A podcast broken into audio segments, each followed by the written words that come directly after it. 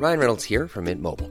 With the price of just about everything going up during inflation, we thought we'd bring our prices down. So to help us, we brought in a reverse auctioneer, which is apparently a thing.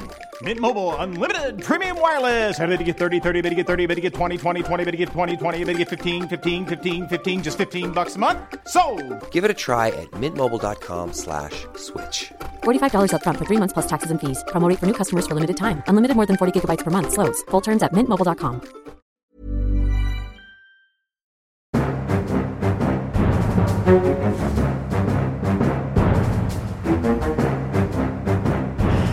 Ok, da tror jeg vi setter i gang med en ny episode Aftenpodden USA. Kristina Pletten er på plass i Oslo som vanlig. God dag, god dag.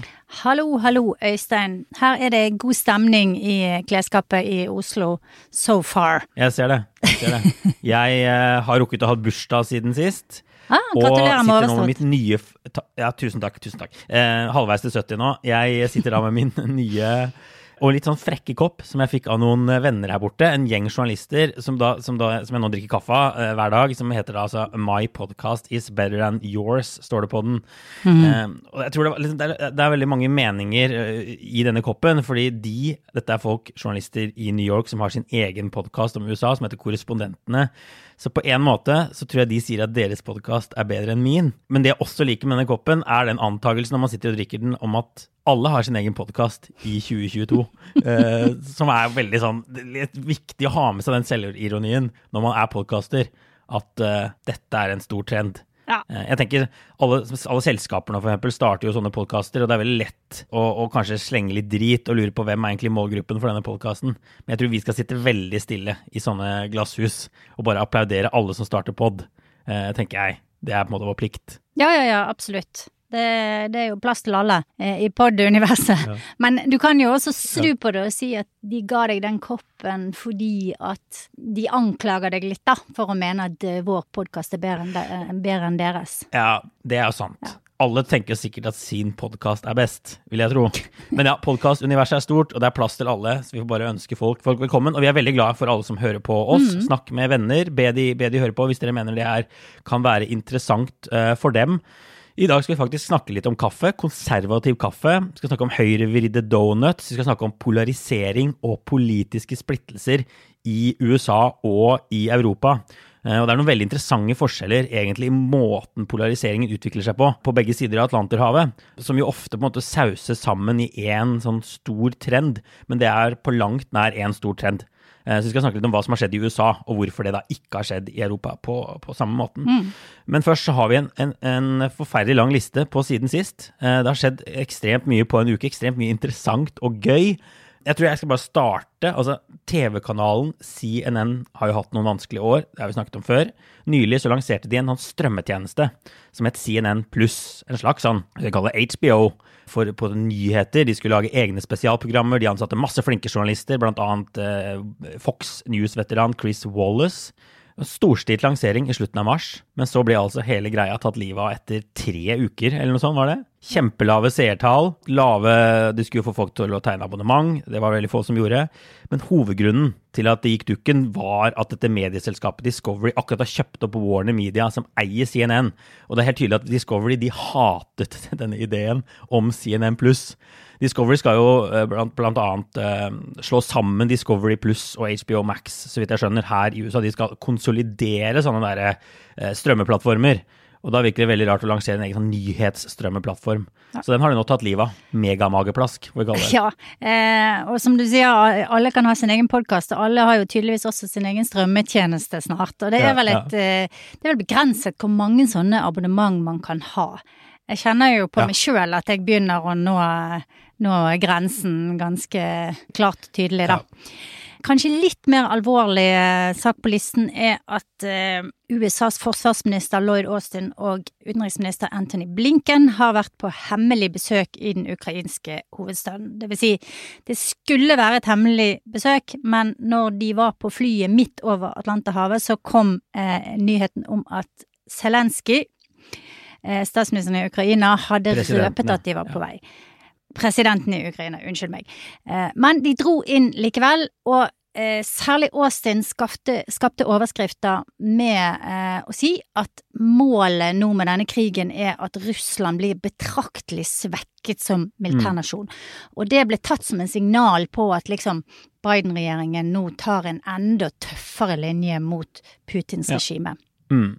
Og så får vi ta med altså Kevin McCarthy er republikanernes leder i Representantenes hus, og han ble rett og slett tatt med buksene nede den siste uken, altså i løgn. Det kom en ny bok eh, fra noen New York Times-journalister som hevdet at han, altså McCarthy, rett etter 6. januar, angrepet på stormingen av Kongressen, hadde sagt til andre republikanere at han ville oppfordre Trump til å gå av. Eh, Og så nektet han for at han hadde sagt dette. Han kalte det vel løgn, og det som verre var, denne påstanden om at han hadde sagt at Trump burde gå av. Eh, Og så tok det noen timer, og så dukket et lydopptak opp som viste jo McCarthy at han sa akkurat det disse New York Times-journalistene hevdet han hadde sagt. Men det som er litt sånn symptomatisk for USA nå, er ikke at det er liksom at løgnen at McCarthy har løyet til mediene som er hovedproblemet. Det store spørsmålet var hvordan Trump ville reagere på at McCarthy da hadde jobbet i kulissene for at han skulle gå av, eller sagt at han ville oppfordre Trump til det. Det var det jeg hadde lurt på. Hva ville Trump nå si om McCarthy, da? Som jo drømmer om å få jobben til speaker Nancy Pelosi, kanskje etter mellomvalget. Men det ser ut som Trump har tatt dette OK inntil videre. Det er alltid litt vanskelig å se hva som foregår nede på Mar-a-Lago i, i kulissene der. Men vi får se. Eh, Det ser ut som McCarthy overlever, og kan få denne jobben, da. Vi får se. Det, det skjer jo utrolig mye spennende i den der granskningen av 6. januar. Det Ja. kommer stadig vekk nye liksom bombshells. Ja. Og eh, det som skjedde òg i forrige uke, var vel at eh, radiopersonlighet Alex Jones, eh, som er kjent som en litt sånn ekstrem type eh, på ytterste høyre, han forhandler nå om en deal med denne her granskningskomiteen, eh, der han vil ha immunitet mot at han samarbeider. Så det, det skjer stadig vekk ting, og vi kommer sikkert tilbake med en episode mer om dette her.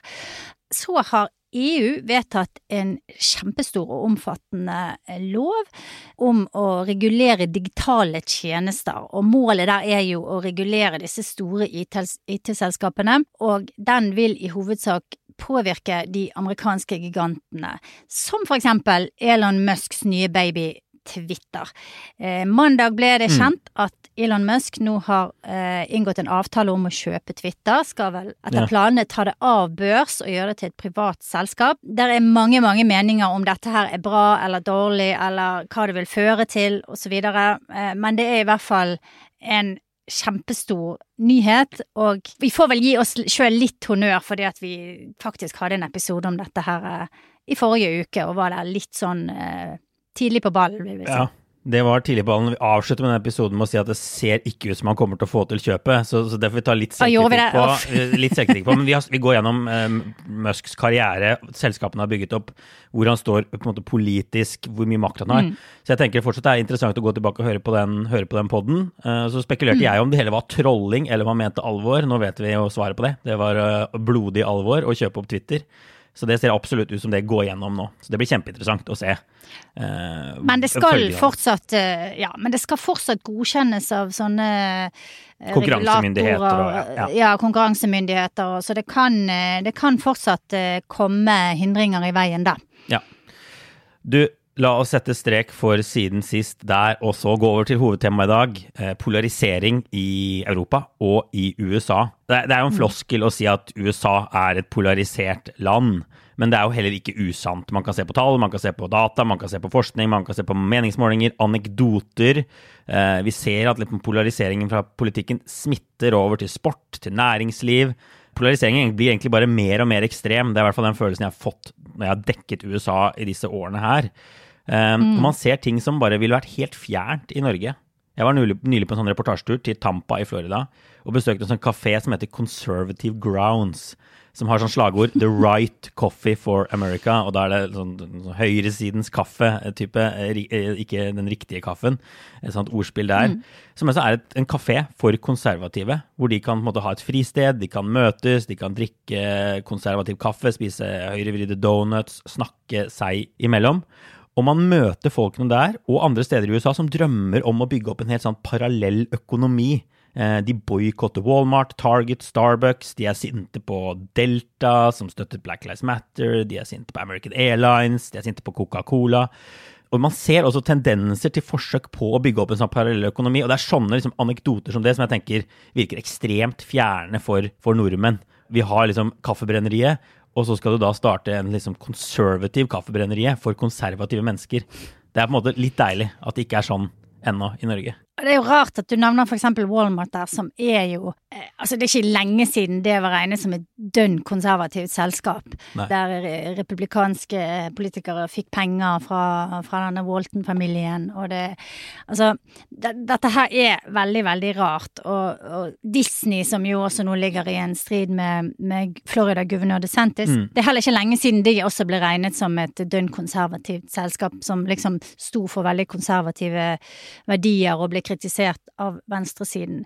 Men det å skulle bygge opp en parallell økonomi med alle de eh, tingene det innebærer, det virker utrolig utopisk Ja. fra mitt ståsted. Da. Ikke minst fordi at det konservative USA ikke har den infrastrukturen som skal til, altså universiteter, eh, forskning, investeringsgrunnlag og, og investorer. Mm. Det, det er så mange ting som skal til for å liksom skape de selskapene Ja, ja. som man trenger i, no- i tek teknologi, ikke minst, ikke sant. Du kan liksom ikke lage en parallell økonomi basert på kirker og våpen og junkfood.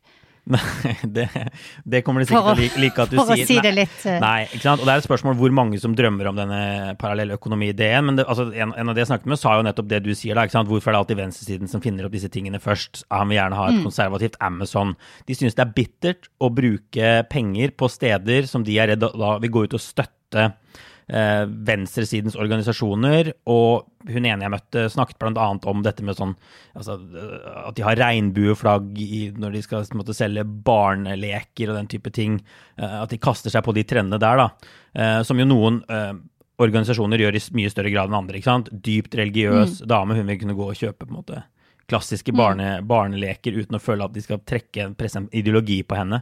Og så, altså, altså er det jo, dette er jo i, i, liksom, i en tidlig fase, det er ikke mange eksempler på rene konservative selskaper ennå. Men jeg skriver i en artikkel som, som blir publisert eh, snart om Black Rifle Coffee, som har forsøkt seg på å være sånn en kaffekjede for, for konservative. Eh, Da Starbucks sa vi skal ansette 100, eh, 10 000 flyktninger, da Trump innførte dette, det ble vel kalt muslimforbudet sitt, altså innreiseforbud fra land syv, syv land var det vel, med, med muslimsk majoritetsbefolkning. Så sa Starbucks 100 000, 10 000 flyktninger skal vi ansette, og da sa Black Rifle 10 000 veteraner. Uh, og de har bygget seg opp nå. Du kan få kjøpt denne Black Rifle-kaffen på sportsbutikker rundt omkring i USA, en del typer skytebaner og sånn. Eh, og de har også nå 20 utsalgssteder, ikke sant? men en pygme i forhold til, eh, i forhold til Starbucks, selvfølgelig. Ikke sant? De har 500 ansatte, Starbucks har jeg husker ikke, mange, mange hundre tusen. Det som er interessant her òg, er jo at det kanskje er næringslivet som har beveget seg like mye vekk fra eh, republikanske velgere som det er motsatt. Mm. Sånn at eh, næringslivet for 20-30 år siden var eh, dominert eksempel av General Motors, ikke sant, tradisjonelle eh, selskaper som, som laget biler eller våpen eller eh, ting som kanskje på et eller annet sett er lettere å, å få til å gå i hop med ideologien eh, hos den tradisjonelle republikanske velgeren, da. Mm. I dag så har du, du nevnte Starbucks, ikke sant, som, og det er vel ingen, ingen produkt i verden som har blitt mer sånn symptomatisk på den, eh, den liksom urbane elitisten enn caffè latte, ikke sant, her Nei. i Norge også overalt. Og så har du disse teknologiselskapene, du har Amazon, du har en, en gjeng med egentlig ganske nye selskaper som har trukket hele liksom corporate America og gått i bresjen og trukket de lenger til eh, venstre. Ja. Du har aktivistinvestorer på Wall Street. Det hadde du heller ikke for 30 år siden, eller 20 år siden for den saks skyld. Så du har en bevegelse i corporate America som er ganske markant, der de tar et sterkere standpunkt og også blir presset av sine egne ansatte Mm. til å gjøre det. Ja. Eh, og det handler jo òg om at eh, yngre mennesker fra andre deler av USA kommer inn i disse selskapene med andre verdisett og sånne Ja. ting. Det er superinteressant at det skjer, altså. Kjempeinteressant. Og jeg har jo tidligere skrytt av podkasten til eh, Ezra Klein, som nå jobber i New York Times. Han har også skrevet en bok som heter Why We're Polarized. Og han skriver litt om, om også at disse selskapene kan tjene på det, og så kan det være altså, lønnsomt for dem å satse på disse gruppene. For dem er jo ofte 30-åringer 40-åringer som er i på en måte kjerne Det er de, altså, hva heter det, target group, målgruppen, det er de de prøver å nå. Så eh, når man skal selge et nytt produkt, så er det en mye sånn yngre målgruppe man vil nå, enn f.eks. de som går og stemmer ved valg. Så Derfor kan det være litt sånn mismatch mellom hva USA går og stemmer. Da er jo mye eldre velgere eh, som veier veldig tungt. Unge velgere går ikke og stemmer. Vi vet at unge amerikanere er mer venstreorienterte enn eldre amerikanere. Det viser alle meningsmålinger. Mm. Så Derfor kan det være en sånn, et misforhold mellom hvem de store bedriftene går etter, og hvem som vinner valg i USA, og hvem partiene går etter. For det er eh, litt andre typer mennesker. Når du lanserer et nytt produkt i USA, så, så lager man ikke en reklamekampanje for å nå 70-åringer. Det er veldig veldig sjelden man gjør. Man prøver å nå kanskje 25-åringer. ikke sant? Så det, så det, er også litt interessant at de posisjonerer seg sånn også for å tjene penger, og at det kan være lønnsomt. Men det er jo nok eh, noe som skremmer ja, amerikanere, da. Altså, konservative amerikanere de føler at de ser hvor USA er på vei. Det er et land i endring, og disse, disse store selskapene er kanskje liksom, bilder på det. Og hvem de prøver å nå, og med hvilke mm, eh, metoder og ja, reklamekampanjer de bruker. Ja, og, og, mange av disse store selskapene har jo også vært eh, en, en, stor del egentlig av den amerikanske kulturen, da, sånn som Coca-Cola for eksempel, ikke sant, som er sånn egentlig symbol på eh, USAs suksess som mm. næringslivsland eh, og nasjon og kapitalistisk stormakt, ikke sant. Så når sånne symbolmerker begynner å bevege seg over i et annet verdisett, som jeg opplever at de gjør, mm. så kan det kanskje virke sterkt på en del amerikanere som føler at det egentlig hører til en slags sånn tradisjonell verdisett som, som handler om noe annet, da. Ja. Jeg ser en del amerik amerikanere som snakker om en traditional way of life in America, ja. og det, jeg, lurer, jeg, lurer, liksom litt på hva det egentlig er, da. Ja. I en såpass uh, ung og mangslungen nasjon. Men jeg tror de liksom de sikter litt til da sånn typ 50-tallet. Jeg ser i hvert fall for meg det sånn litt sånn suburbia 50-tallet der eh, far reiser på jobb i litt sånn stort flak av en Chevrolet, og, og de kommer hjem og drikker cola til middagen, liksom. Ja, kanskje. Kanskje, men, men det, det, som nevnt så er dette ting som egentlig er ganske fjernt fra den europeiske debatten. Vi har ikke sett like mye eksempler på dette i, i Europa. Og det er jo også Nei. alvorlig når man ser hva amerikanere svarer på meningsmålinger f.eks. Sånn. Veldig mange, særlig republikanere og demokrater, ser ikke lenger på sine politiske motstandere som en opposisjon i tradisjonell forstand. De sier at de er fiender. Hugo gjorde en måling nå, da svarer istedenfor å kalle de en tradisjonell opposisjon, så sier 43% av demokrater, 48% av republikanere, at motstanderne er, fiender som truer vårt liv og hele vår levemåte. Du har målinger som viser at eh, single demokrater ikke vil date Trump-velgere. Det er det flere målinger som, som, har vist. Og folk mister evnen til å på en måte vurdere verden rundt seg objektivt. Rett før Joe Biden, en uke før Joe Biden ble tatt i ed som president, så sa 67% av republikanere at økonomien var i god forfatning. Landets økonomi gikk bra. To uker etter innsettelsen, tre uker etterpå, altså denne første målingen, så var det bare 31% som mente det samme. ikke sant? Så har folk totalt endret syn på hvordan det går med økonomien. Dette ser vi igjen og igjen. Vurderingen av f.eks. pandemihåndteringen. Eh, så gjorde Pew en sånn interessant undersøkelse i masse land. I Danmark er folk veldig enige. Det var Både regjeringens motstandere og støttespillere var enige om at regjeringen har gjort det bra i pandemihåndtering. I USA var det bare et enormt sprik. Eh, så dette er jo på en måte polariseringen, konsekvensen av polariseringen. Som jo ikke er bra i og for seg, at man ikke kan på en måte bli enige om helt sånn grunnleggende fakta. Ja, og så handler det kanskje også om hva målet er for den politikken som føres, altså hvor man vil med samfunnet, mm. da. Og da tenker jeg at hvis du ser på Danmark eller Norge, så er folk egentlig ganske enig i hvor de vil hen, ikke sant. De er enig i at det skal være eh, et offentlig tilbud for skole og mm. Eh, helsevesen, og de er enig i at det ikke skal være for store forskjeller, stort sett, da. Ja.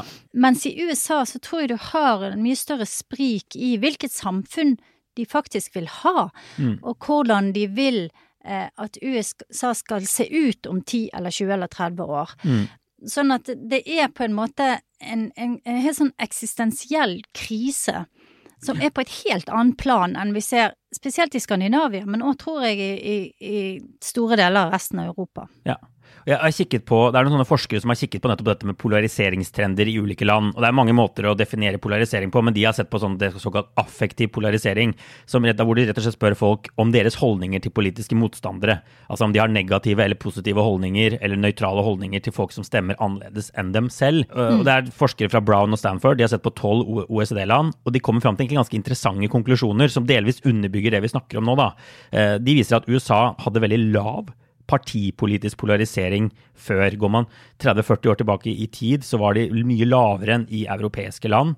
Og så endret det seg totalt på 1990-tallet. Da skøyt polariseringen i været, og i dag er USA av disse tolv landene måte, desidert høyest polarisering. Så det, så det, er jo interessant bare der USA kommer fra. da, Hvis man går tilbake til før 90-tallet, så var det oppunder 50% av befolkningen som ikke så forskjell på demokratene og republikanerne. Det var statsvitere som mente at USA burde bli mer polarisert, for det var helt uklart hvilken, hva du ville få hvis du stemte på ulike partier. De var jo splitta i spørsmål om abort, f.eks.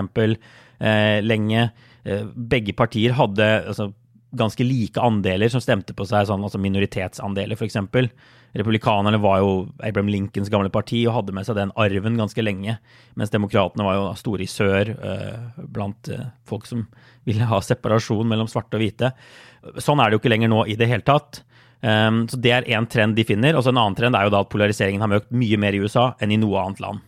Uh, og at økende polarisering, som du nevner da, ikke er en sånn generell vestlig trend. F.eks. i Norge og Tyskland så er polariseringen lavere nå enn den var for 20-30 eh, år siden, når man måler den på den måten her, hvor man spør hva du synes om politiske motstandere. Så det er, jo, det er jo et viktig poeng at det som skjer i USA, kan liksom ofte lett ekstrapoleres eh, til Europa. Så tenker vi at det er det samme der, men det er jo ikke alltid det.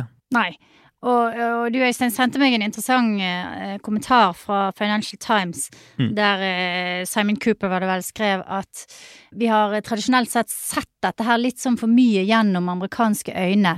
Mm. Kanskje også fordi at amerikanske stemmer, altså anglo eh, angloamerikanske stemmer har fått dominere så mye av eh, engelsk. Ja. Rett og slett sant at eh, franske og tyske forskere mm, er ikke så meningsbærende, eller politikere. Nei. Men eh, han skriver jo òg det at liksom, derfor så har vi tolket veldig mye gjennom eh, et amerikansk perspektiv. Kanskje mer enn vi burde, da. Ja. Og så har vi sett liksom ut ifra det amerikanske perspektivet, og så har vi prøvd å se om det liksom også fins i andre land. mens ja mens det kanskje har blitt helt feil i dette tilfellet. Jeg syns det var et veldig interessant poeng. Jeg synes det er veldig interessant, og man ser jo ganske tydelige eksempler på det. Altså, F.eks. Donald Trump, jeg har snakket om det, hans støtte i befolkningen, såkalt approval rate, eller popularitet, var jo bare ekstremt stabil. Rekordstabil. Han var aldri superpopulær, mm. men han var vel aldri over Han hadde aldri altså en oppslutning på over 46% og aldri under 36% så det var veldig sånn smalt belte Trump beveget seg i. ikke sant? Riksrett, mm. pandemi, en god økonomi. Disse tingene fikk ikke noe særlig utslag på oppslutningen hans. Folk hadde gjort seg opp en mening, og de sto ved det uansett. 6. januar, da falt oppslutningen bitte litt i starten hentet seg inn. Helt flat igjen nå. Det, ser, altså, det er en, en, linje som nesten er helt flat siden 2015, da man begynte mm. å spørre om folks oppfatning av Trump. Mens i Europa så svinger det jo voldsomt. Altså Boris Johnson, ofte blitt sammenlignet med Trump, men under pandemien for eksempel, så så Boris Johnson sånn kjempeoppslutning da pandemien først kom til Europa. Da var det sånn Hvor mye var det? 66% av briter syns eh, statsministeren gjorde en kjempejobb, ikke sant? Eh, så kommer denne her eh, skandalen med koronafestene. Så bare kollapser oppslutningen til Boris, så ender den på 22 Sånne svingninger er vel helt utenkelige i USA. Emmanuel Macron ble jo gjenvalgt uh, i helga. Også han har sett sant, uh, oppslutningen variere mellom 55% og 24% som er mye, mye mer enn Trump. Så det viser jo også Det er jo forskjellige partisystemer, det er mange grunner til at det er sånn. Men det viser jo også at europeere har en sånn evne til å bare Mye mindre lojalitet, da. Og det er nok mindre polarisert. Vi bytter partier, vi, vi vraker politikere vi ikke liker, når de ender i skandaler. Eh, som jo noen vil si er et sunnhetstegn. Ja, eh, du nevner det franske valget, og det er jo eh, interessant der at Marine Le Pen, som leder Nasjonal Samling, dette høyre, ganske lang, mørkeblå partiet, får vi vel si, mm. hun har jo moderert det partiet ganske mye de siste valgsyklusene, da, og trukket seg på en måte litt sånn inn mot sentrum, der Macron befinner seg. Så har det jo dukket opp en fyr på utsiden av henne, Erik mm. Seymour, som, som, er enda mer radikal, og det har også poppet opp partier på den radikale venstresiden. Men de som kom gjennom til andre runde, var jo Macron og Le Pen, og de har på en måte måttet moderere seg for å nå frem til franske velgere.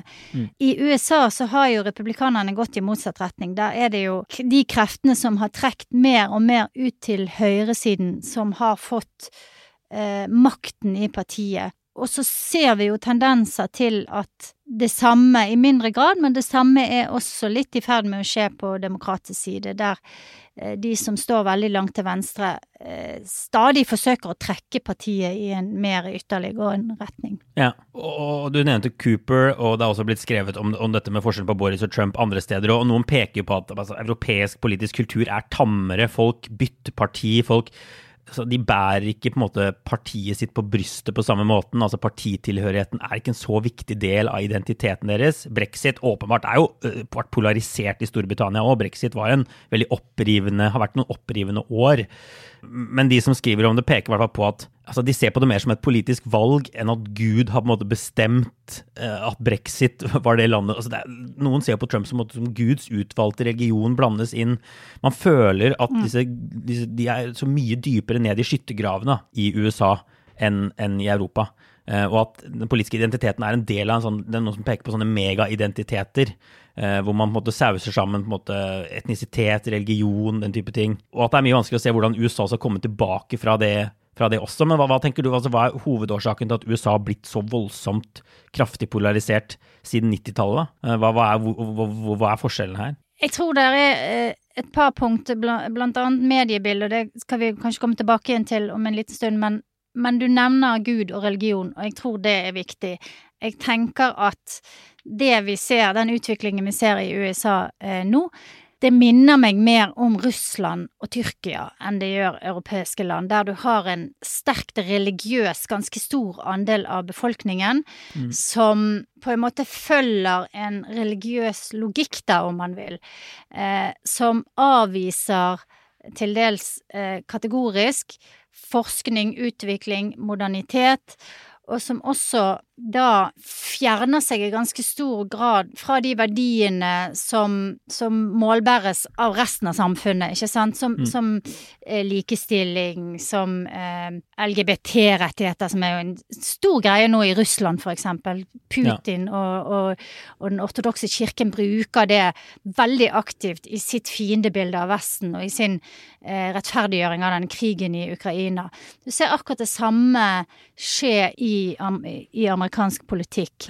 Eh, denne her eh, konflikten i Florida som vi har vært inne på, eh, handler i stor grad om det. Mm. Og der, i bunnen av dette her så ligger, så ligger religiøse, såkalte tradisjonelle religiøse verdier. Mm. Det er kanskje Jeg prøver å finne en måte å si dette på, men jeg tror jo at religiøs eh, overbevisning koblet med mangel på kunnskap og dårlig utdanning er en kombinasjon som er, eh, gjør deg sårbar for polarisering, da. Og, ja. gjør deg, eh, og, og, gjør at det er lettere for personer som Putin eller Erdogan eller Donald Trump å komme til makten og bruke dette her aktivt for å liksom splitte befolkningen. Getting engaged is a moment worth cherishing. A one-of-a-kind ring that you design at Blue Nile can help your love sparkle. Just choose your diamond and setting. When you've found the one, you'll get it delivered right to your door. Finding the right engagement ring can be nerve wracking. At Blue Nile, you'll have the expert guidance needed and a diamond guarantee that ensures you're getting the highest quality at the best price. Cherish all of life's moments and save up to 30% at BlueNile.com. That's BlueNile.com. Spring? Is that you? Warmer temps mean new Allbirds styles. Meet the Super Light Collection, the lightest ever shoes from Allbirds, now in fresh colors. They've designed must have travel styles for when you need to jet. The lighter than air feel and barely there fit makes these shoes some of the most packable styles ever. That means more comfort and less baggage. Take the Super Light Tree Runner on your next adventure. Its cushy, lightweight foam midsole supports every step, and the extra outsole traction gives you the grip to just go for it. The eucalyptus fiber upper adds next level breathability to keep you going all day. Plus, the super light tree runner is comfortable and ready to go right out of the box. So, what can you do in a super light shoe? What can't you do is the better question. And because they're super packable, the real question is where are you taking them? Experience how Allbirds redefines comfort. Visit allbirds.com and use code SUPER24 for a free pair of socks with a purchase of $48 or more. That's A L L B I R D S dot com, code SUPER24. Og jeg tror det du sier om religion, Vi har jo laget en religionsepisode i, i, høst også. så for Det som er litt interessant, er at mm. USA er et mindre religiøst land enn tidligere. Så jeg, så jeg, tror det også må koble sammen med altså Det var jo også da USA var mindre polarisert, partipolitisk polarisert på 50-, 60-, 70-tallet, var jo også et veldig religiøst samfunn. Men det man har sett, er i tillegg en sånn sorteringsprosess Tidligere så slet folk på å se forskjell på partiene. Man visste ikke helt hva man fikk når man stemte på en president, for det kunne gå litt begge veier i mange spørsmål. Eh, I dag er det ingen som ikke vet forskjell på demokratene og republikanerne. Det er veldig tydelig. Og man har sett at velgerne er blitt sortert. Hvis du da, i dag eh, måte, er liberal, så stemmer du nesten 100% sikkert på venstresiden, på demokratene. Hvis du er konservativ, mm. så stemmer du på republikanerne. Sånn var det ikke før. Demokratene hadde en svær konservativ fløy. Republikanerne hadde en liberal mm. fløy. Sånne type rare ting. Mm. Og hvis man er dypt religiøs, og da særlig hvit, og går i kirken flere ganger i uka, f.eks., så er sannsynligheten veldig høy nå for at du stemmer republikansk. Så man har mm. sortert, så man har endt opp med et parti som er mye mer religiøst enn det andre, eh, mye hvitere enn det andre. Og det, det, har nok bidratt til polariseringen, at man har på en måte tydeligere skillelinjer enn før. da etter religion, ja, ideologi, etnisitet, de type tingene. ser. Det ser jeg folk peke på, og som igjen bare driver polariseringen. Det er mye lettere å, å tegne mm. tydelige fronter nå enn det var før, når partiene er blitt så forskjellige. Um, ja. så, så, på godt og vondt, og hvis du da er den, hvis du da er den uh, hvite personen som går i kirken, så er du liksom to av 200 som stemmer på Demokratene, så er det jo selvfølgelig kanskje vanskelig å bli værende i den fiendeleiren, da. Mm. Altså sant, innenfor, eller innenfor fiendens grenser, eller hva man skal kalle det. Ja. Du, du, blir liksom det, det, handler jo også om, om geografisk tilhørighet etter hvert, dette her. Fordi ja. at man ser jo at folk flytter til eh, steder der de føler seg hjemme i sitt eh, partipolitiske miljø. Mm. På en helt annen måte enn de gjorde før. Ja. Eh, det er mye større geografisk skille. USA har alltid vært en, på en måte en slags apartheid-nasjon på mange måter, mellom raser. Det, eh, nordmenn flyttet, klumpet seg sammen i gettoer på 1800- og 1900-tallet når, mm. når, nordmenn utvandret. Eh, asiater gjør det fortsatt i dag, ikke sant. Så det, du har sånne fysiske, geografiske skillelinjer som også gjør de mer sårbare for polarisering enn en europeiske samfunn gjør. Eh, rike folk burer seg inne bak gjerder, ikke sant. Mm. Det er lite felles offentlighet. Mm. Og det har det alltid vært i USA. Men de har hatt disse her eh, overbygningene i den amerikanske kulturen, i populærkulturen, i fortellingen om hva USA var. Mm. Eh, om cowboyer og pionerer og the American way. Mm. Og når den ble utfordret, så, så, er det liksom ikke noe annet som kan tre inn i det stedet. Nei. Det er sant. Og man har jo satt også mye mer spørsmålstegn ved Man ser mye mer kritisk på sin e, egen historie også. The, Founding Fathers, mm. mye mer kritiske øyne på mm. de. Det, det, er jo vokst frem en sånn fortelling om at USA ikke, ikke grunnleggende var et land for, for, frihet og sånn, men et grunnleggende undertrykkende land hvor målet var å holde svarte folk nede som tegner en, en helt annen skapelsesberetning av USA. Så, så, så, så man, det er liksom få ting å gripe fatt i som man er enig om lenger. Da. Og det både bidrar til polarisering, og polariseringen har sikkert bidratt til det òg. Eh, at det er lettere ja, å ha sånne diskusjoner. Det, det, det som du sier, det får en selvforsterkende effekt. Og da, men tilbake til det, da. Hva er det egentlig USA er, og hva er det de vil være? Hvor, hvor vil de være om, om 10-20 år? Mm. Og når, når, man ikke har noe felles prosjekt som kan uttrykkes eh, med litt sånn enkle symboler, da, da sliter du altså. Da ja. blir det vanskelig. Det er ikke bare et flagg nok, på en måte. Så disse forskerne peker på den sorteringsprosessen på hvorfor USA er mer splittet enn før, og så trekker de frem at altså, USA har hatt en raskere øk... Altså innvandring. De, noe, de, har jo sett på masse faktorer. Eh, hvor internett, hvor mye det drar opp polarisering, ulikhet, mer frihandel, mer, mer, innvandring. De finner ingen sammenheng mellom de og polarisering. Det viser seg at mange land som har hatt fallende polarisering, også har hatt voldsom vekst i internett, f.eks. Norge. Ikke sant? Det er et eksempel på det. Så det er ikke sånn at internett nødvendigvis må skape polarisering. Men det de finner, da, er at denne sorteringsprosessen har vært veldig kraftig i USA. Eh, av partiene og velgerne og velgere som ligner på hverandre, klumper sammen i samme parti. USA har hatt en høyere mm. økning i den ikke-hvite andelen av befolkningen enn en del europeiske land. Norge har hatt veldig høy innvandring, men veldig høy arbeidsinnvandring fra Sverige, fra Polen, fra Baltikum.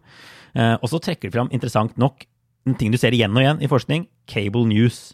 Eh, nyhetskanaler, Ja. som er jo mye mer fremtredende i USA enn i andre land. Fox News etableres omtrent akkurat da polariseringen med denne målemetoden de bruker, tar skikkelig, skikkelig av. Eh, og her er altså høna og egget-debatt, eh, selvfølgelig. Men man får veldig høy puls av å følge amerikanske nyhetssendinger. Eh, Og følge disse 24-timers eh, kabel-TV-nyhetskanalene på en helt annen måte enn man får av det europeiske nyhetsbildet. Selv i Storbritannia er jo BBC fortsatt en semisamlende ting som mange ser på, på en helt annen måte enn her. Ja. Jeg tror jeg nevnte dette når vi snakket om media i en tidligere podkast, men eh, når jeg bodde på eh, i USA på 90-tallet, så var det jo fortsatt sånn at det var sånn nightly news. Altså, jeg tror det var klokken halv sju om kvelden, og da var det liksom de tre store networkene, de hadde hver sin sånn anchorman som var veldig berømt, og alle stolte på de, og de kom med nyhetene. Og så har det forsvunnet gradvis. De, altså, det De det finnes, eksisterer men det fortsatt, men ikke- det har ja. ikke De finnes, ja. Eh, Men Walter Cronkite var jo den store faren for eh, denne her type eh, seriøse kveldsnyhetsankeren, da, og holdt på i jeg tror det var 40 år, jeg, og var liksom en sånn fyr som alle stolte på, som Mm. leste opp nyhetene. og og, og da eksisterte det jo en slags sånn felles offentlighet, en felles plattform. Men den er helt borte. Og det nærmeste man kommer er jo faktisk kanskje skremmende nok eh, Twitter og Facebook Ja. nå i dag. Så Vi har jo snakket om det før, altså hvor dette vil ende. Det har kommet uh, skremmende mye bøker de siste månedene om sånn borgerkrig, og at USA er på vei mot det. Ikke bare fra sånne mm, vi kaller det crazy folk som spekulerer, men forskere på borgerkriger og sånt ser ting som skjer i USA nå som ligner på land der det har brukt borgerkrig. Krig. Og så er det andre som ser mer positivt på det. Um, Yasha Munch er jo en sånn podkaster og statsviter og forfatter som nylig skrev, eh, ga ut en bok som heter The Great Experiment, hvor han sier at polariseringen er drevet frem av politiske eliter i stor grad, folk på, folk på nyhetskanalene og politikerne i Kongressen og sånn, men at ting egentlig så skjer det ganske mye bra på bakken, hvis man kan kalle det det, i USA. Um, han viser annet til sånn uh, altså, ekteskap mellom folk av forskjellige raser. Um, helt enormt mye mer utbredt enn det var tidligere. Ikke bare noe folk sier i meningsmålinger, men også noe som faktisk skjer da når man ser på sånn befolkningsstatistikk og sånn. Uh, så, så det er noen som mener at det egentlig ting går sånn sakte, men sikkert i riktig retning på et eller annet nivå også, selv om det virker som ting går i veldig feil retning når man ser på f.eks. polarisering og hvor dette skal, hvor dette skal ende. Ja, jeg tror at man er litt avhengig av at det kommer frem nye typer politikere som kan formulere et slags grunnlag for et felles prosjekt. Et nytt grunnlag. Som ikke handler bare om en mytologi basert på, eh, på, på fortiden. Og kanskje trenger USA flere politiske partier. Kanskje Det er jo nå et enormt gap i Ja. midten. Ja. Som, Det er et godt poeng. eh, Bare- Det er en stor mulighet, ja. Ja, Vi nevnte jo Frankrike og, og, og, og Storbritannia som tenkes på som topartisystemet, men som jo har The Greens, liberaldemokratene, som sitter i regjering og sånn. Macron startet et helt nytt parti. Der kryr det jo av partier. Eh, Selv om det på Ja, måte er litt sånn first past the post også. Så, så USA er veldig unikt i det. Disse to partiene er så dominerende. Og de andre partiene Ja, er så små i- og betydningsløse. I Frankrike så er jo begge de to tradisjonelle partiene som liksom styrte landet i, i årevis, de er jo helt marginalisert. Ja. Eh, De fikk vel bare noen par prosentpoeng hver omtrent i, i valget nå. Ingen av de kom til andre runde. Mm. Så, så det er eh, absolutt muligheter for de som klarer å liksom formulere noe smart. Skape en plattform som kan appellere til alle de velgerne som egentlig befinner seg litt sånn i sentrum. Og USA er jo opportunistenes land. Det burde være mulig. Hittil så har jo veldig mye av liksom Det som har vært av tredjepartiet, har dukket opp litt sånn på ytterkantene Mm. av det politiske spektrum. Men det krever jo at man har en personlighet. På grunn av det måten eh, systemet er skrudd sammen. Mm. Jeg tror ikke en Macron-type vil kunne klare det. Selv om Macron har jo en sterk personlighet, men jeg tror du hadde trengt noen som hadde liksom mer eh, name recognition Ja. eh, enn det han kanskje hadde når han startet da. Knuse Altså, noen partisystemet. virkelig Ja. Noen som kunne dra med seg virkelig sånn masse folk og skape masse entusiasme. Og da er man jo dessverre kanskje borti en sånn type Elon Musk eller noe sånt, da, Ja. som har penger og makt og berømmelse nok til å kunne liksom sette i gang noe sånt. Musk er jo da ikke født i USA, så han kan jo ikke stille som president. Men det er jo no, jeg, jeg tror en sånn type Joe Rogan har vi snakket om på podkast før. Altså kanskje en eller annen sånn som er litt vanskelig å plassere politisk. Uh, definitivt ikke en demokratene kommer til å elske, men heller ikke en uh, høyresiden kommer til å elske. Det er interessant. Det er, jeg tror også en, en sånn liten revolusjon er det som kanskje må til for å bryte den polariseringsbølgen vi ser. Eh, Eller så må man plutselig få mye mer ansvarlige politikere som snakker på en mye mer måte som ligner på den man gjør i Norge. Men det er veldig vanskelig å se for seg at Trump plutselig skal begynne å tenke på liksom, å dempe gemyttene og, og, ja, og bygge bro, Ja. på en måte. Og få inn en ny generasjon som gjør det. Ja, du kan jo se for deg at eh, de eksisterende partiene eh, sprekker etter hvert, da. Mm. For eksempel Demokratene. At du har eh, en Alexandria Ocasio Cortez og den gjengen som bryter ut og skaper sitt eget parti på venstresiden. Og dermed liksom skaper rom for at demokratene kan snevre seg litt inn mot midten og bli et mer eh, moderat parti, eller mer rendyrket moderat sentrumsparti, da. Ja. Så sånne ting kan jo også skje. Men det er ekstremt vanskelig i USAs valgsystem å få det til uten å bare gi seieren Ja. til høyresiden, hvis man splitter venstresiden i to. Men ja, eh, vi får sette strek der, tror jeg, og så ta litt obligatorisk refleksjon til slutt. Kristina, hva, hva, hva du driver du og tenker på? Du, jeg driver og tenker på Tony Morrison, ja.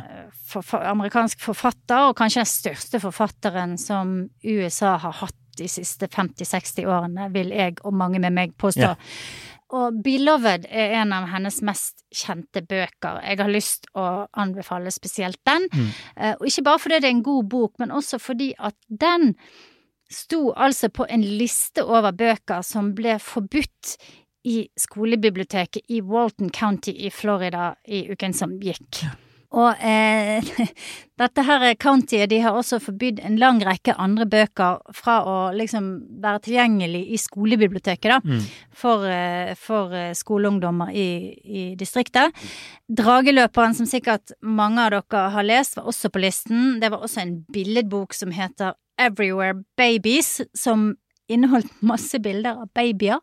Eh, og trolig var grunnen til at den siste eh, boken ble forbudt, at den inneholdt et bilde av to menn som omfavnet hverandre. Fordi at felles for alle disse bøkene som er på denne listen, er at de har et innslag av noe som handler om fremstillinger av homofili, eller som handler om slaveri, eller har et innslag av raseproblematikk, altså eh, ingredienser i eh, kulturkrigen Mm til høyresiden. Eh, men Beloved er en fantastisk roman som handler om slaveriet, og hvordan den historien satte spor i flere generasjoner. Og få år etter at den kom ut, så vant Morrison Nobelprisen i litteratur. Hun holdt en fantastisk tale når hun vant den. Jeg lurer på om jeg har anbefalt den før her, men eh, den er i hvert fall også veldig verdt å høre på. Eh, vi kan dele det YouTube-klippet på, mm, på Facebook-gruppen vår. Ja. Så jeg vil jo liksom bare som en slags sånn lite Som en liten protest eh, anbefale at så mange som mulig leser eh, 'Beloved' av Tony Ja. Morrison. Kanskje Har du det- lest den, forresten? Nei, jeg har ikke lest den. Men jeg, jeg, hun er på lista eh, over eh, folk jeg har dårlig samvittighet for ikke å ha lest. Eh, Ja, på samme stater jeg ikke har vært på, dårlig, stater jeg har dårlig samvittighet for ikke å ha vært i ennå. Så nei, jeg burde det. Jeg burde definitivt lese den. Ja. Man kan jo håpe og tro at det skjer det som gjorde i gamle dager i Norge også, da man forbød bøker, at folk gjorde det de kunne for Mm. å få lest de, og at det vekker en enorm interesse. da. Dette er ulovlig. Man skulle jo tro det at i skoleungdom, at det kan ha den effekten også. Uh, ting som ikke er lov, er mer spennende enn ting som man får på skolebiblioteket. Vi får se. Ja. ja. Det er utrolig sånn mørkemannsaktig å drive og sette sånne bøker på forbudsliste. Jeg blir egentlig litt opprørt over det. Det, det burde ikke skje i 2022. Bra. Jeg, eh, jeg har kanskje fått meg en ny favorite founding father, tror jeg. Eller en ny eh, favorittlandsfader. Det har vært, Hamilton har jo hatt noen veldig gode år etter denne musikalen. Eh, Alexander Hamilton, får vi si. Eh, og det, han er jo også en fascinerende fyr. Det er ikke tull. Han har en interessant biografi. Vel så interessant som mange av de andre gutta som var med å grunnlegge dette landet. Men, men TV-kanalen eh, PBS har nå nylig kommet med en ny dokumentar om Benjamin, Benjamin Franklin. Laget av en veldig sånn kjent amerikansk eh, dokumentarfilmskaper som heter Ken Burns. Jeg tipper den kommer til å dukke opp og være mulig å se i Norge også. Han har laget masse bra dokumentarer, annet gjennom The Roosevelt Family, som jeg også anbefaler. Men Franklin, altså det er jo kjent at han var en stor skikkelse, kanskje den aller største amerikaneren. I hvert fall før de eh, erklærte uavhengighet. Veldig kjent. Men særlig for en journalist da, så er han jo bare en ekstremt fascinerende, inspirerende fyr.